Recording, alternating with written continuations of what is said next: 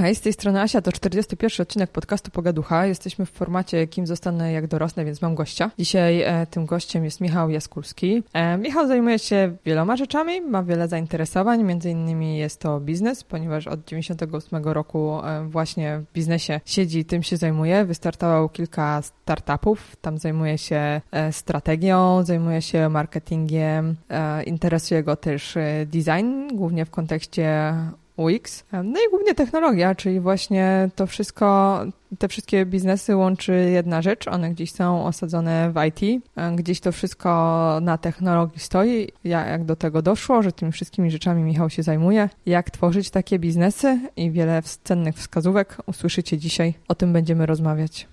Dzień dobry, Michale. Dzień dobry, Janno. Ja wymyśliłam coś takiego strasznie żenującego i teraz to powiem. Okej. Okay. Czy bolało, jak spadłeś z nieba? Mm, czasami boli do tej pory. Okej, okay, nie, bo wiesz o co chodzi, bo jest taki tekst na podryw i tak się mówi i potem ty powinieneś powiedzieć, bo, że, że co, a ja powinnam powiedzieć, bo chyba jesteś aniołem. Znam to, ale wybrałem inną odpowiedź. To jest, yy, wiesz co, temat taki dla mnie dosyć niezrozumiały. Czym jest anioł mm, biznesu? Czym jest anioł biznesu? To mhm. jest ktoś, kto nagle się pojawia, nie wiadomo skąd, i rozwiązuje problemy, które ma biznes w postaci braku kapitału na start. Mhm. Ale na jakiej podstawie? Znaczy w ogóle wymyśla sobie człowiek, że zastanawia się właśnie, kim zostanę, jak dorosnę i sobie myśli, a aniołem? Mm, to bardziej, bardziej jest tak, że mm, na pewnym etapie y, trochę y, chciałbyś znowu, czy chciałabyś poczuć to, co czułaś y, kiedyś tam przy zakładaniu jakiegoś swojego biznesu, ale już niekoniecznie masz y, w sobie taką energię i pasję, żeby powtarzać to po raz 500. E, mhm. E, a bycie aniołem biznesu jest y, taką możliwością, w której, dzięki której e, możesz znowu trochę to poczuć, a jednocześnie ok, inwestujesz też oczywiście czas, ale biznes rozkręca ktoś inny i ty masz satysfakcję z tego, że jesteś w stanie temu komuś pomóc. Mhm. A co z tego się ma, poza tym, że tą satysfakcję z pomocy? E, w, w polskiej rzeczywistości raczej głównie satysfakcję. Mhm. Ale w zagranicznej to wygląda w ten sposób, że właśnie ma się z tego potem mm, jakieś olbrzymie pieniądze i jakoś tak to bardziej działa, czy, czy jak to wygląda? Um, ogólnie patrząc, jeszcze wracając do polskiego rynku, Znam chyba tylko, nie wiem, dwie, trzy osoby, które są powiedzmy seryjnymi aniołami biznesu. Wiem, że to brzmi dziwnie. E, I, no i te osoby faktycznie w tej roli odniosły sukces. Ja z kolei jestem bardziej aniołem takim powiedzmy jednorazowym, jak na razie. E, ale o, o, tym, o tym jeszcze opowiem za, za jakiś czas przy okazji pewnie kolejnych pytań. Natomiast y, jeżeli się patrzy na ekosystem startupowy w Stanach, no to tam sytuacja wygląda zupełnie inaczej. Tam bardzo wiele, bardzo wiele osób, które właśnie w roli anioła biznesu się pojawiły w jakichś startupach, no później, później zarobiły na tym miliony, czasami nawet miliardy dolarów.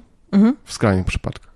Ale myślisz, że ten e, rynek idzie w Polsce w tą stronę, że to u nas też będzie możliwe i, i będzie tak jak w amerykańskich takich e, programach telewizyjnych, już siedzi takich trzech aniołów biznesu na krześle i, i, mówią w ciebie zainwestujemy, w ciebie nie, w tobie pomożemy. Czy, czy to raczej na razie jeszcze nie jest ten czas? Mm, wydaje mi się, że ten czas może nadejść gdzieś za 5-10 lat, w momencie, gdy ludzie, którzy teraz e, rozkręcają swoje startupy, dojdą do momentu wyjścia exitu i, i będą szukać sposobów na to, żeby przynajmniej część, e, część funduszy zainwestować w jakieś nowe projekty. Natomiast jedna z różnic między, między Polską a Stanami, oprócz skali oczywiście, polega na tym, że, że w Stanach aniołami biznesu często są pracownicy firm, którzy pojawili się w nich na początku drogi i ci pracownicy są w stanie na tyle na tyle dużo zarobić na akcjach e, pracowniczych, które otrzymali, że też później stają się aniołami. Mhm. Dobra, to mamy e, po troszeczkę ruszony temat bycia aniołem biznesu, no ale to nie jest jedyna rzecz, którą robisz, bo tak jak wspomniałeś, zajmujesz się tym teraz. Potem, jak już kilka swoich biznesów e, ruszyłeś i twoim takim najmłodszym projektem jest Horizon. Dobrze mówię? Mm, nie wiem, czy, nie wiem, czy najmłodszym, w sensie to jest w ogóle skomplikowana historia.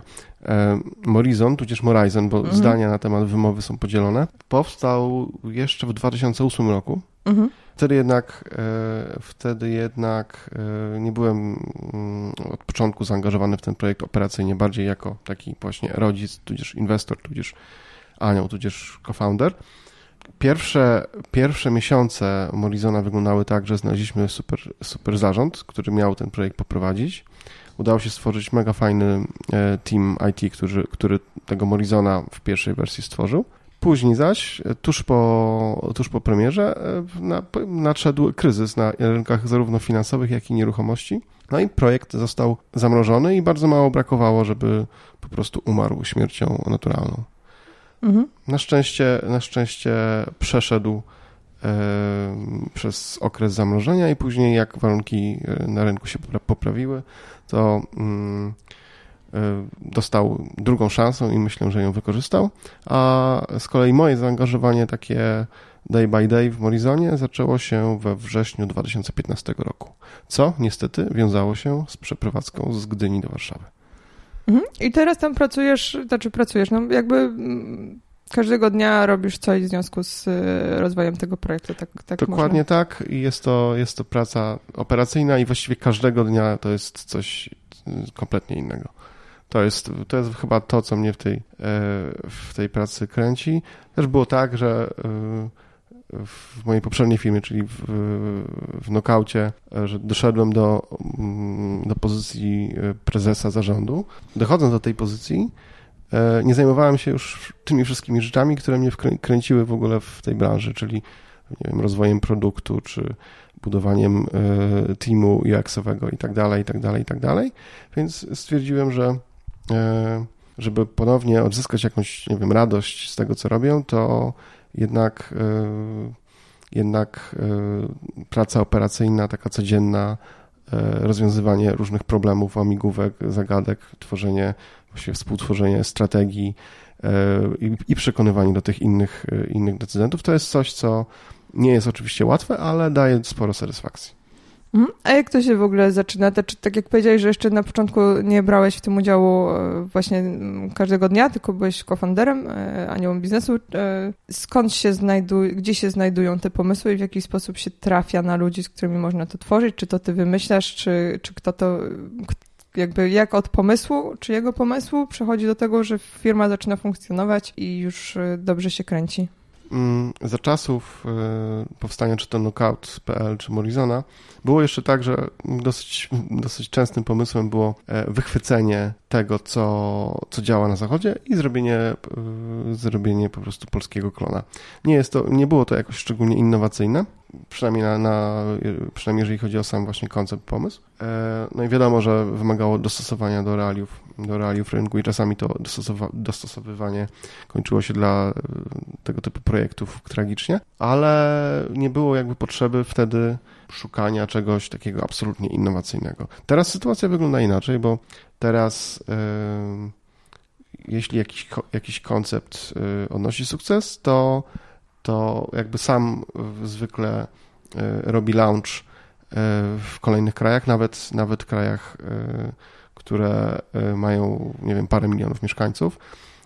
Dobrym przykładem jest Revolut, mhm. czyli, czyli startup fintechowy, który się rozwija w błyskawicznym tempie i nie powstał, nie wiem, polski klon Revoluta, tylko po prostu Revolut wszedł do Polski i to zrobił bardzo szybko od momentu, gdy gdy się zaczął, e, gdy się zaczął rozkręcać. Mhm. Ale to jest kwestia tego, że my mamy dostęp po prostu do rzeczy z zagranicy, no bo o rewolucji ja słyszałam dosyć dawno, kiedy rewolut nie był adresowany do Polaków, tylko po prostu chcąc jechać gdzieś za granicę i chcąc mieć dostęp do płatności w różnych walutach, to po prostu można było sobie e, ogarniać e, rewoluta. No i też nie byłoby chyba wtedy sensu tworzyć polskiego odpowiednika. No tak, dokładnie. Tak to, tak to funkcjonuje. Dobra. Czyli po prostu to jest kwestia przeniesienia pomysłu, ale dalej nie wiem, kto decyduje, który pomysł zostanie przeniesiony i jak będzie finansowany. Mm, wiesz, żeby cokolwiek, cokolwiek z tego wyszło, no to musi się zgrać e, grupa ludzi, która ma do, ma, ma do siebie zaufanie, ma też jakiś, w jakiejś tam formie dostęp do, e, dostęp do kasy na start. No i tyle. Przy czym tak też było mm, bardziej kiedyś, teraz z kolei, ze względu na to, że że są już gotowe, nie wiem, frameworki w sensie mm, prowadzenia, rozpoczynania e, biznesu startupu. Są dostępne technologie, za które płacisz e, nie wiem, za minutę użycia nie musisz, nie musisz, nie wiem, tworzyć czy kupować dziesiątek serwerów, żeby wystartować z projektem, to na dobrą sprawę, jeśli jesteś w stanie przeżyć od pierwszego do pierwszego w, jakiś tam sposób, no to no to wystarczy, no w cudzysłowie wystarczy. Właśnie pomysł, koncept, samozaparcie i jakaś wiedza, jak zbudować to, co chcesz zbudować. Mhm. Czy już teraz y, ten element posiadania własnego kapitału, tak? Znaczy mm, pieniędzy, no bo kapitał trzeba mieć intelektualny na przykład. Na przykład. Wypadałoby jakiś kapitał, jakimś kapitałem dysponować. Dobra, e, bo już ciągle wracasz do knockoutu, no to może, może cofnijmy się i, i mm, pojedźmy od początku. Ja sobie śledziłam mm, twoje konto na LinkedInie, e, co tam masz napisane, więc chodziłeś do liceum w Gdyni, bo jesteś z Gdyni tak jak e, ja aktualnie, tam chodziłeś do trójki. To może i potem, i potem co? Jeszcze, jeszcze za czasów, za czasów trójki wsiąknąłem bardzo mocno w internet i było to w ogóle możliwe dzięki, dzięki e, temu, że moi rodzice wprawdzie przeklinali wysokość rachunków za telefon, ale cały czas je płacili. Mhm. No i wciągnęło mnie, e, wciągnęło mnie w ogóle tworzenie mm, różnych projektów internetowych. I to nie tylko zwykłych stron, ale takich bardziej, powiedzmy, zaawansowanych serwisów. No i stwierdziłem, że pociągnę to dalej. Mhm, bo liceum skończyłeś w 98 roku. Tak, tak. To był 98 Czyli rok. Czyli wcześniej już tworzyłeś jakieś strony internetowe, które nie były takimi prostymi, jednoplanszowymi tak? Dobrze rozumiem. E, z internetu tak na, na co dzień zacząłem korzystać gdzieś w marcu, kwietniu 97. Mhm. E, więc cholernie dawno temu. No właśnie, no i, no i zacząłem się od razu, znaczy jak już, jak już przeminęła ta taka faza fascynacji tego, że można mieć dostęp do wszystkiego i tyle w ogóle jest artykułów i tekstu do przeczytania i tak dalej, i tak dalej, no to oczywiście naturalna, na, naturalną konsekwencją było tego, było to, że chciałem stworzyć coś, yy, coś własnego i nauczyć się jak to się robi, no to zacząłem uczyć. Yy, wtedy jeszcze to były czasy, kiedy języki typu PHP w ogóle dopiero, dopiero się rodziły, dopiero powstawały, więc y, kupiłem, kupiłem książkę o, o języku Perl, zacząłem tworzyć, y, tworzyć jakieś takie pierwsze rzeczy właśnie w tym Perlu. Y, było już wtedy trochę materiałów online'owych, więc też, też je jakoś tam przetrawiłem. No i za, zacząłem się rozglądać za, za, jakimiś, za jakimiś projektami do realizacji. Na przykład jednym, jednym z takich pierwszych projektów E, to była księgarnia internetowa dla takiego malutkiego, edukacyjnego wydawnictwa Adamantan e, z Warszawy. No i właśnie pamiętam, że, że na potrzeby tego projektu właśnie w Perlu napisałem księgarnię internetową, która nawet całkiem, całkiem fajnie, e, fajnie funkcjonowała, chociaż gdybym pewnie zajrzał teraz w kod, to nie potrafiłbym kompletnie nic z tym, z tym kodem zrobić. W międzyczasie jeszcze E, z racji moich e, ówczesnych muzycznych fascynacji, bowiem byłem fanem e, Kazika Staszewskiego i zespołu Kult, stworzyłem taką amatorską, hobbystyczną stronę na, na, temat, na temat twórczości Kazika i Kultu. Zauważył ją menadżer zespołu, skontaktował się ze mną i efektem tego było to, że zacząłem, zacząłem tworzyć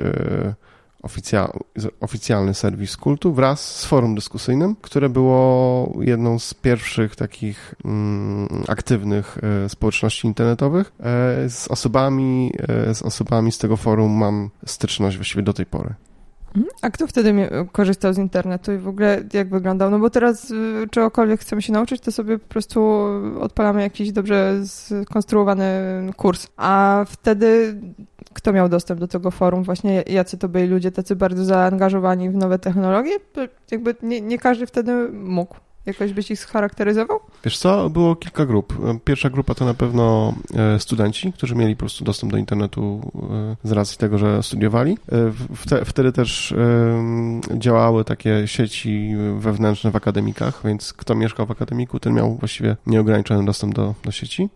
No i byli też early adopterzy, szczególnie od momentu, gdy telekomunikacja polska wprowadziła, wprowadziła darmowy, w cudzysłowie, w sensie bez dodatkowych opłat poza impulsami. Numer dostępowy 020 21 22.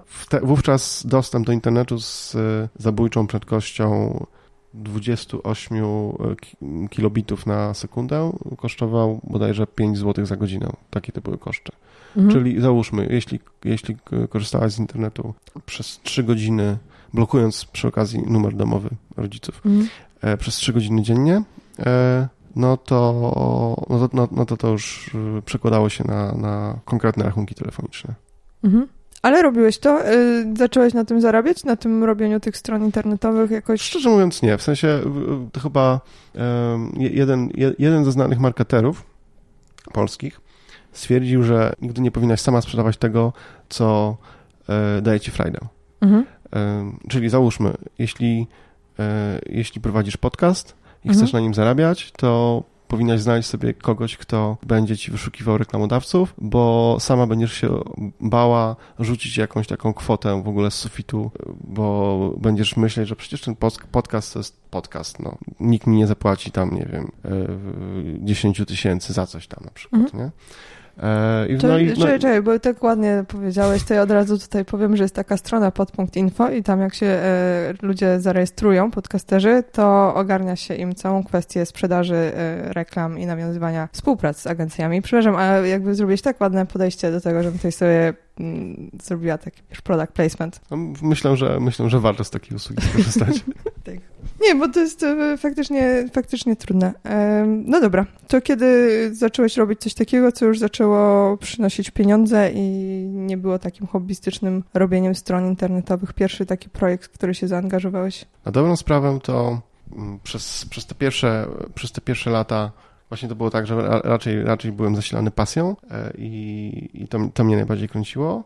Później był moment, gdy y, bodajże od 2003 czy 2004 pracowałem w Get Response, y, gdzie wszedłem jako, wszedłem jako chyba dziesiąta osoba, e, a w momencie, w momencie, gdy odchodziłem z Get Response po to, żeby zacząć pracę nad knockoutem, y, to firma miała już bodajże 30 czy 40 osób. No i to było dla mnie z jednej strony, z jednej strony dało mi to jakąś właśnie stabilizację finansową, mhm. bo, bo już wtedy, już wtedy warunki warunki w branży właśnie technologicznej, internetowej były e, zupełnie inne e, niż e, we wszystkich pozostałych branżach, mhm.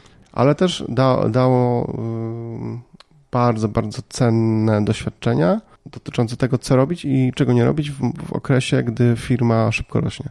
Mhm. Bo Get Response się zajmuje czym dokładnie? Get Response zajmuje się wysyłaniem korespondencji mailowej zautomatyzowanej mhm. i od jakiegoś czasu również marketing automation.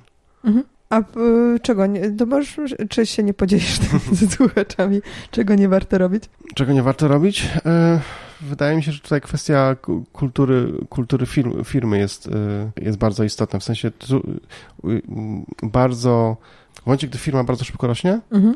E, to trzeba naprawdę trzeba naprawdę bardzo sporo uwagi, żeby, o tą, żeby na tą kulturę jakoś zapanować, żeby o to zadbać, żeby, żeby, żeby wszystko było jakby spójne i żeby ta kultura nie była jakimś takim jakby randomowym efektem e, osób, które w tej firmie się pojawiają. O. Mhm. Ale na jakim etapie jakby jakiejś ilości osób, czy jak to wyczuć? Bo ja mam taki problem z tymi szybko rosnącymi firmami, które widzę. To, że kiedy są 3-4 osoby na początku, to mhm. możemy sobie pozwolić na dużo więcej. Tak. Więc możemy sobie opowiadać jakieś żarty i niekoniecznie dbać o to, czy one są poprawne politycznie i w ogóle, czy powinno się je mówić na głos. Możemy mm, tą ścieżkę taką przekazywania informacji też sobie dowolnie kształtować, no bo wiadomo, coś komuś powiemy, raz napiszemy i to wszystko będzie ok. A kiedy przychodzą nowe osoby, no to one zaczynają jakby to samo kopiować, co robią te osoby, które już tam były, no i nie możemy doprowadzić do tego, że będziemy mieli 40 osób, które się tak zachowują, no bo no, to dokładnie. po prostu... E, no więc który to jest y, moment? Od początku, że jak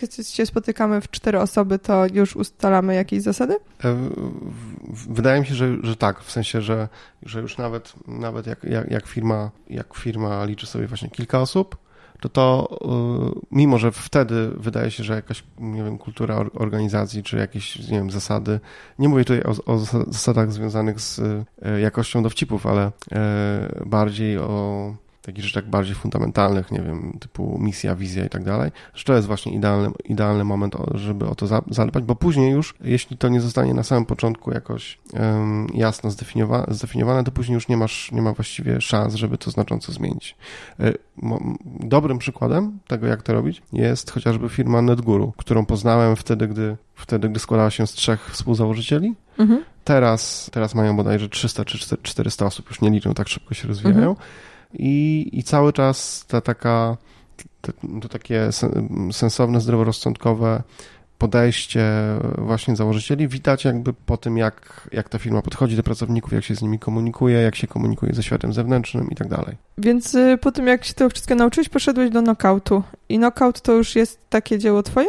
Z było tak, że mm, razem, z, razem z Wojtkiem, moim byłym wspólnikiem, wpadliśmy na pomysł, żeby, mm, żeby, żeby stworzyć właśnie własną firmę i byliśmy przekonani, że to już jest ten moment, że jesteśmy na to gotowi. Udało się nam pozyskać dofinansowanie od y, niemieckiego funduszu VC.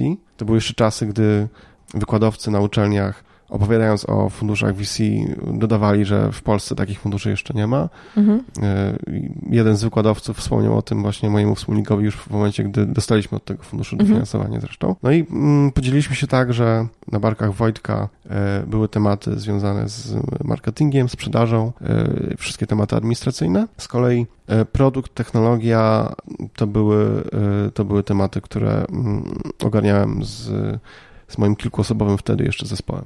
Mhm.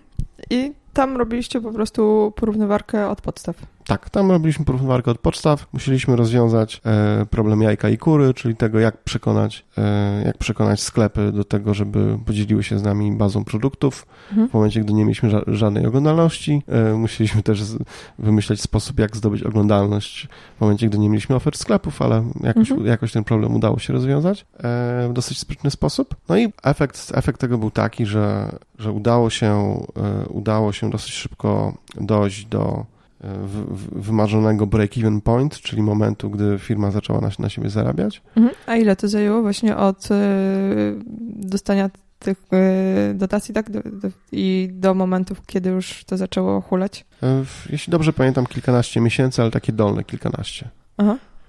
W ten sposób. A teraz też to się odbywa tak szybko? Bo wydaje mi się, że kilkanaście miesięcy to jest bardzo dobry wynik na.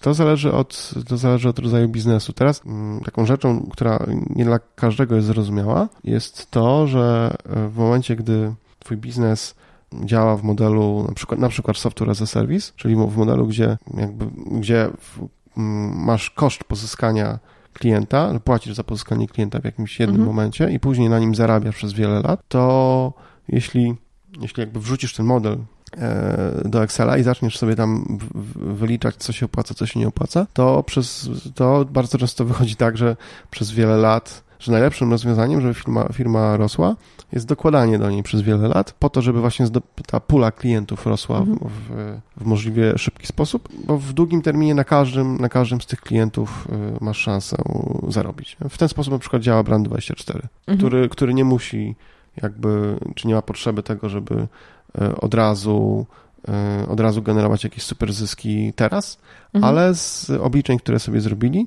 e, wyszło im, że właśnie dużo bardziej opłaca się teraz zainwestować w pozyskiwanie klientów, a dzięki, dzięki temu wydatkowi, który poniosą w tym roku na przykład, to przez wiele kolejnych lat będą mogli prawdopodobnie zbierać owoce tej inwestycji.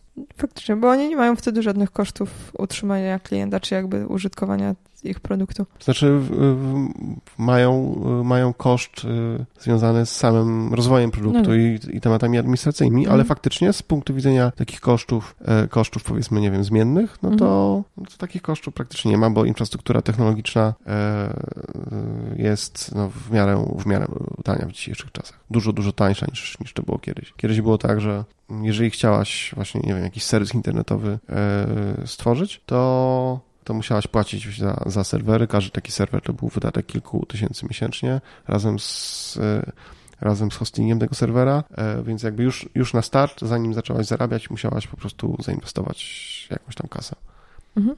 I co z tym knockoutem dalej? Bo, bo, już e, trochę powiedziałeś, że w pewnym momencie cię to przestało bawić. Też, ale knockout w ogóle, mm, knockout w ogóle jest taką historią gdzie właściwie stosunkowo mało brakowało do tego, żeby odnieść sukces definiowany tak, jak się definiuje sukces w branży startupowej.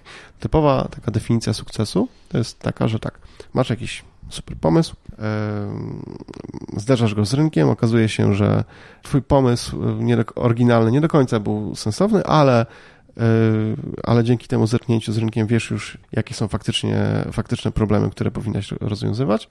Jeśli jest potrzebna jakaś kasa na start, no to ją ogarniasz na przykład od jakiegoś anioła biznesu. Zaczynasz, zaczynasz tworzy, tworzyć produkt czy usługę, która ma ten problem rozwiązywać. Powoli zaczynasz zarabiać, zaczynasz zwiększać zespół, firma się, firma się rozwija, to wszystko trwa, bo też trzeba pamiętać o, o, tym, że tak, że długość tego takiego cyklu to jest zwykle 8, 10, czasami 12 lat. Mhm. Swoją drogą, gdyby każdemu młodemu przedsiębiorcy, który chce, który chce otworzyć własny startup, e, mm, ktoś dawał do podpisania taki dokument, czy godzi się, czy zgadza się na to, żeby kolejne 8 albo 10 lat życia przeznaczyć właśnie na, na to, żeby mm, większość czasu spędzać na rozwijaniu własnej firmy, to przypuszczam, że liczba startupów znacząco by się zmniejszyła. Okej, okay. E, później wracając jeszcze do, do definicji sukcesu. Później e, jest moment, gdy, żeby firma mogła rozwijać się jeszcze bardziej, wejść w nowe obszary, to potrzebuje albo kolejnej rundy finansowania, albo wręcz e, powinna wejść na giełdę. Mhm. No i później dzięki, e, dzięki pozyskanemu w ten sposób kapitałowi firma może się rozwinąć jeszcze bardziej i nadchodzi e, upragniony moment exitu, czyli moment, gdy jakaś, nie wiem, większa korporacja tą firmę wykupuje, a założyciele założyciele firmy, a często też pracownicy e, mogą, mogą zastanawiać się nad tym, za co zabrać się teraz. Mhm. E, w przypadku knockoutu historia sukcesów skończyła się na pozyskaniu kapitału z giełdy, a później, później z kolei przez splot różnych okoliczności tych kolejnych celów nie udało się zrealizować. I gdyby patrzeć na to w kategorii sukcesu bądź porażki, to, to, to knockout był E, aha, i sukcesu bądź porażki definiowanej w sposób startupowy, to knockout był porażką. Mhm. Z drugiej jednak strony, jeśli e, rzucić by takim typowym banałem, że liczy się droga, a nie cel i tak dalej, to, to naprawdę, naprawdę bardzo wiele, bardzo wiele temu projektowi e, zawdzięczam. I wydaje mi się, że to, co było najważniejsze, to chyba ludzie poznani po drodze. To jest, to jest coś, co jakby do dzisiaj, do dzisiaj e, procentuje i chociażby dlatego, dla, te, dla tej jednej rzeczy było po prostu e, warto przez tą drogę ciernistą, e, przez ten roller coaster po prostu przejść, tam się przejechać tym roller coasterem. Mhm. A ile lat to trwało dla ciebie? Mm, osiem, jakoś tak, jeśli dobrze liczę. A. Siedem, osiem. I po tych ośmiu latach to jest jakby jest ten moment, że masz doświadczenia, ale jakby koniec tej przygody. No osiem lat to jest bardzo dużo czasu. No zgadza się. Mhm. E, I startujesz z nowym projektem? Nie miałeś dosyć już po takim ośmioletnim rollercoasterze, że może to nie ma sensu i może można sobie popracować spokojnie i nie zawracać głowy? Myślałem o tym trochę. E, natomiast e, dostałem propozycję e, dołączenia do ekipy Morizona, już taki, właśnie, właśnie już tak w takim wymiarze operacyjnym, no i szczególnie się nie, nie zastanawiając stwierdziłem, że okej, okay, wchodzę w to. Mhm. I to znowu była ta sama przygoda, to czy znowu od początku budowanie wszystkiego i to zawsze y, jest takie dosyć trudne i nieoczywiste? Czy da się zbudować firmę w łatwy i nieobciążający sposób mm, względnie? W przypadku, w przypadku Morizona sytuacja wygląda troszeczkę inaczej, w sensie o tyle, że w momencie, gdy, mm, gdy się przeprowadziłem do Warszawy, no to firma już funkcjonowała mhm. i to funkcjonowała wiele lat. Też jest tak, że obecny Morizon to jest na dobrą sprawę połączenie Morizona Trójmiejskiego, tego, które, którego byłem współzałożycielem, z warszawską firmą Melok, która ma, ma korzenie jeszcze pod koniec lat 90. Mhm. Więc firma, do której dołączałem, to od strony właśnie też kulturowej, mhm no to było właśnie takie pomieszanie tych, tych, e, tych dwóch bytów i oczywiście było bardzo wiele rzeczy, które działały bardzo dobrze i które przez wiele lat zostały, nie wiem, dopracowane od strony, nie wiem, procesów i tak dalej. E, więc nie, nie, trzeba było, nie trzeba było e, pewnych rzeczy ogarniać od zera, ale były też rzeczy, które wymagały jakiegoś takiego przeprojektowania, co jest szczególnie trudne, jak masz właśnie organizację, która funkcjonuje już jakiś czas, jest przyzwyczajona do pewnego sposobu działania. Nagle tutaj wchodzi ktoś, kto mówi, że a, teraz trzeba to zrobić zupełnie inaczej, nie? Mhm. To nie jest też, to nie jest też yy, proste. Mhm. A co jest taką twoją ulubioną rzeczą w tej robocie i w robieniu tego wszystkiego? Wydaje mi się, że y, sprawczość y, połączona z, y, z, z taką satysfakcją, że jeżeli coś zmienię, i to czasami nawet dosłownie zmienię, w sensie, nie wiem, w kodzie źródłowym jakiegoś serwisu czy produktu, to, to później widzę, jak tysiące czy nawet miliony użytkowników z tego korzystają i to im w czymś tam pomaga, czy to, nie wiem, w zakupach, czy to w, w znalezieniu wymarzonego mieszkania, czy to w ogarnięciu jakiegoś kredytu hipotecznego na rozsądnych warunkach. Wydaje mi się, że to jest chyba taka największa satysfakcja. Mhm, ale wtedy w jaki sposób masz informację zwrotną w przypadku takiego serwisu właśnie do, do wynajmu nieruchomości? To są jakieś informacje z zewnątrz, to się patrzy po notowaniach firmy, czy jakby po czym się widzi, że to, co się robi, to jest fajne? No, w, w rozwijaniu produktu jedną z ciekawszych rzeczy jest to, że wszystko możesz opomiarować, zmierzyć, sprawdzić, czyli możesz y, y, zweryfikować, y, kto konkretnie korzysta z jakiejś nowej na przykład funkcji, którą, którą twój zespół stworzył. Możesz, możesz wręcz zobaczyć, jak, ten, jak, jak użytkownik korzysta z tej funkcji korzystając z rozwiązań do zapisywania sesji użytkownika, zapisywania jego działań, tak jakbyś to oglądała na filmie. Mhm. E, możesz przeprowadzić badanie z, z użytkownikami, e, albo prowadząc je samemu, albo obserwując za, za lustra, e, jak, jak użytkownik zachowuje się w kontakcie z Twoim produktem. I często to są bardzo takie zaskakujące, zaskakujące informacje zwrotne. Tak, wydaje mi się, że to jest, to jest, to jest, właśnie, to jest właśnie chyba to, co, co, co, jest, co jest w tym najciekawsze. Mhm. Ale y, też się zastanawiam, jeśli już y, jesteśmy współzałożycielami firmy, ta firma sobie wejdzie na giełdę i się powodzi, to przychodzi taki moment, że y, nie musimy tak aktywnie brać udziału w tworzeniu tej firmy, bo to jest chyba ten moment, na który wiele osób liczy, że coś im się uda, coś zbudują i już nie będą musieli. Czy to nie jest tak? Jest, jest tutaj spora różnica między mm, musieniem a chceniem. Mhm. To jest pierwsza rzecz. Wydaje mi się, że gdybym na przykład teraz stwierdził, że, że mam dosyć w ogóle branży nieruchomości yy, i robię sobie urlop, a potem zastanowię się, co, co dalej, to firma po prostu funkcjonowałaby nadal, tak? Więc to jest pewnie jakiś taki cel. Kiedyś chciałem zrealizować i mi się to udało. Mhm. Ale z, kolei, z kolejnej strony jest tak, że jesteś współzałożycielem czegoś, jakiegoś mhm. bytu, to jednak zależy ci na tym, żeby żeby ten byt się, nie wiem, rozwijał, żeby, y, żeby produkt, który, który kiedyś tworzyłaś, cały czas spełniał oczekiwania użytkowników i pomagał im w jakichś tam rzeczach. Więc to jest taka, to jest taka rzecz, która na przykład y, y, dla mnie osobiście jest ważna. Z kolei, jeśli obserwuję ludzi takich bardziej o żyłce biznesmena niż produktowca, mhm. to dla nich z kolei, ich z kolei kręci to, że wyniki firmy, jakkolwiek by nie były liczone, to jest coś w rodzaju takiego wyniku w grze komputerowej, nie? czyli mhm. teoretycznie mogliby przestać grać, ale no, ten wynik cały czas rośnie, więc oni cały czas grają. Nie? W ten sposób. Ale y, jakby planujesz y, coś zmieniać i coś nowego kombinujesz, czy tak długo jak jesteś w stanie to rozwijać i sprawiać, że to będzie coraz lepsze, to tak długo y, cię to bawi? E, myślę, że to drugie, szczególnie, że w tej chwili Morizon, a właściwie spółka matka, czyli e, MZN Property, e, jest teraz na etapie, gdy uruchamia nowe, nowe biznesy, no i y, zależy mi na tym, żeby wykorzystać to moje doświadczenie zdobyte przez te naście poprzednich lat do tego, żeby po prostu zwiększyć prawdopodobieństwo, że te biznesy odniosą taki sukces, na jaki liczymy. Mhm. Ale cały czas używasz w swojej pracy tych takich podstawowych umiejętności, znaczy nie, nie tego programu, w którym pisałeś stronę księgarni, ale generalnie grzebiesz fizycznie w kodzie i tym się zajmujesz? E, w, w kodzie od jakiegoś czasu, od paru lat już nie, chociaż czasami mi się zdarza jakieś tam szybkie poprawki zrobić. W sensie technicznie mam taką możliwość. Mhm.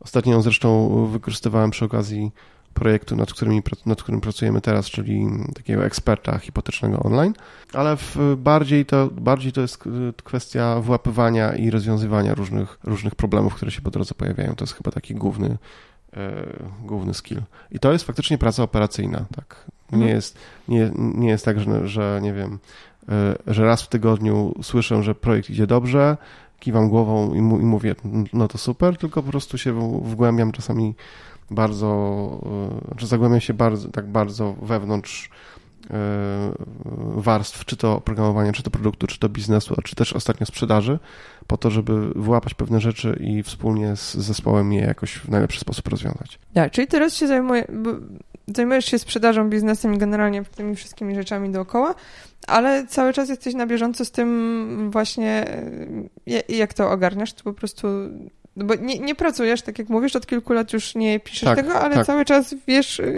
gdzie są błędy.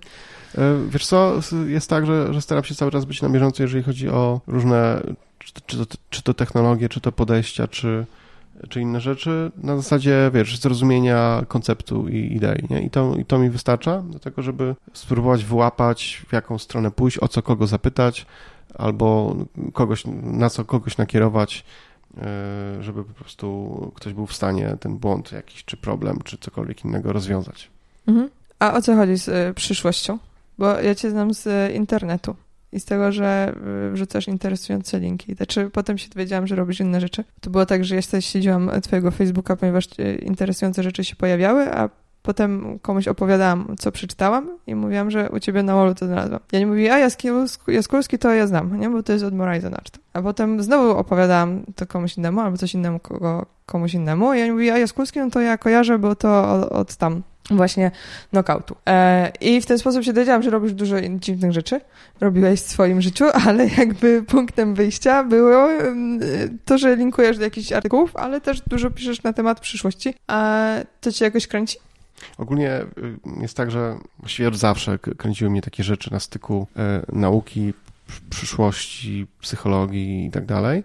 Być może to wynika po prostu z tego, że z jakichś powodów jestem, nie wiem, ciekawy świata mhm. w, i próbuję go zrozumieć. Oczywiście to jest taka misja, która nigdy się nie zakończy pełnym sukcesem, ale przynajmniej właśnie próbuję. Jeszcze przed czasami internetu bywało tak, że spędzałem popołudnie i wieczory w bi bi bibliotece naukowej, powoli, znaczy po kolei po prostu czytając jakieś takie wszystkie rzeczy, które mnie, które mnie tam za, zafascynowały.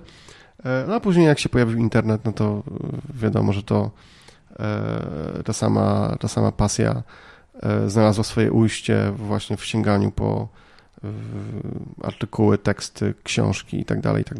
No i jakiś czas temu stwierdziłem, że, e, że warto stworzyć na Facebooku jakiś taki osobny byt, w którym, w ramach którego będą, się, będę wrzucać różne rzeczy, teksty, filmy związane z, z tym, że jak zresztą ten, ten fanpage się nazywa, żyjemy w przyszłości. Mhm. W momencie, gdy zacząłem wrzucać tam kolejne rzeczy, które wyskoczyły mi na wallu, a to głównie dlatego, że mój wall jest dobrze przez te ostatnie parę lat wyćwiczony w mhm. znajdywaniu takich, w włapywaniu takich rzeczy, no to właśnie doszedłem, doszedłem do wniosku, że nasza rzeczywistość staje się coraz bardziej dystopijna i przerażająca.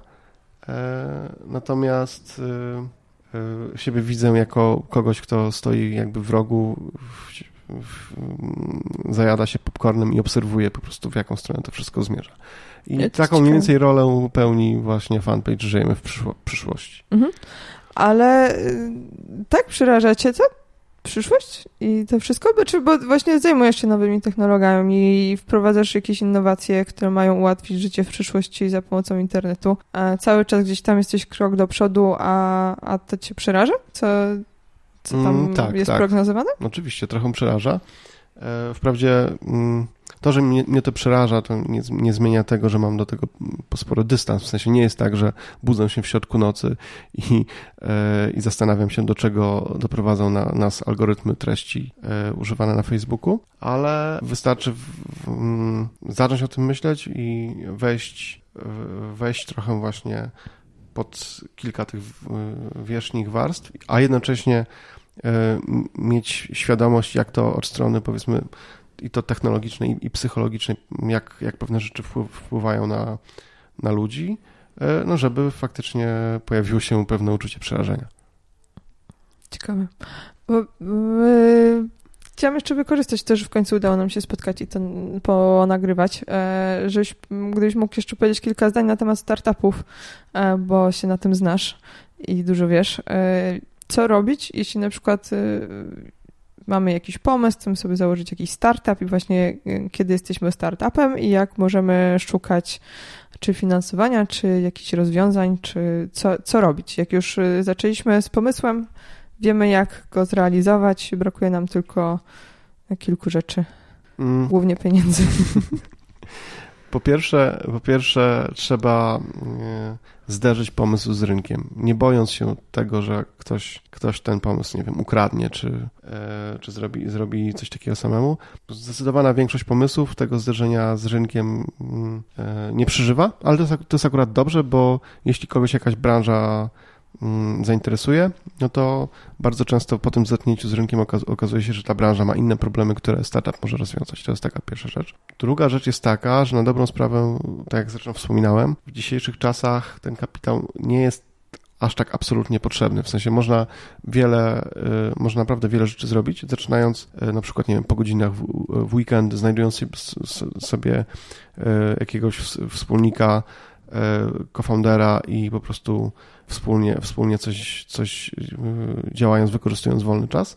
W tej chwili też jest sporo, e, sporo pro, programów e, tak zwanych preakceleracyjnych, e, czyli tego typu, mm, tego typu programów, które działają w następujący sposób. Zapisujesz się i możesz mieć tylko i wyłącznie pomysł, nie musisz mieć niczego konkretnego jeszcze. I przez kilka miesięcy pracujesz z, z mentorami, z osobami, które które założyły własne startupy ze specjalistami od określonych rzeczy typu, nie wiem, PR, prawo i tak dalej. Mhm. I dzięki temu możesz e, zamienić pomysł już na coś konkretnego, a na końcu, na końcu tej drogi często też e, czeka jakieś możliwe dofinansowanie na start. Jednym z, z tego typu programów jest Reaktor X warszawski, mhm E, prowadzony przez, między, między innymi przez Borysa Musielaka i to jest, to jest taki program, przez który przewinęło się już kilkadziesiąt startupów. Część z nich poznałem, bo wspieram program jako mentor.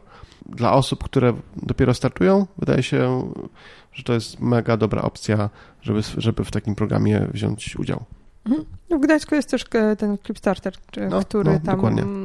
Wspiera. A jak dużo osób, które tam brały udział, to właśnie mówią, że bardzo im pomogło to, że mieli zajęcia z e, finansów, ekonomii albo z prawa, bo oni często mają pomysł na technologiczne rozwiązania, a zupełnie mhm. sobie nie zdają sprawy z tego, jakie podatki się płaci w Polsce i jest jakby no dla mnie tak. zawsze zabawne, ale znowu ja nie mam żadnych technologicznych pomysłów, ale wiem, jakie się płaci podatki, więc może, może to się może uzupełniać.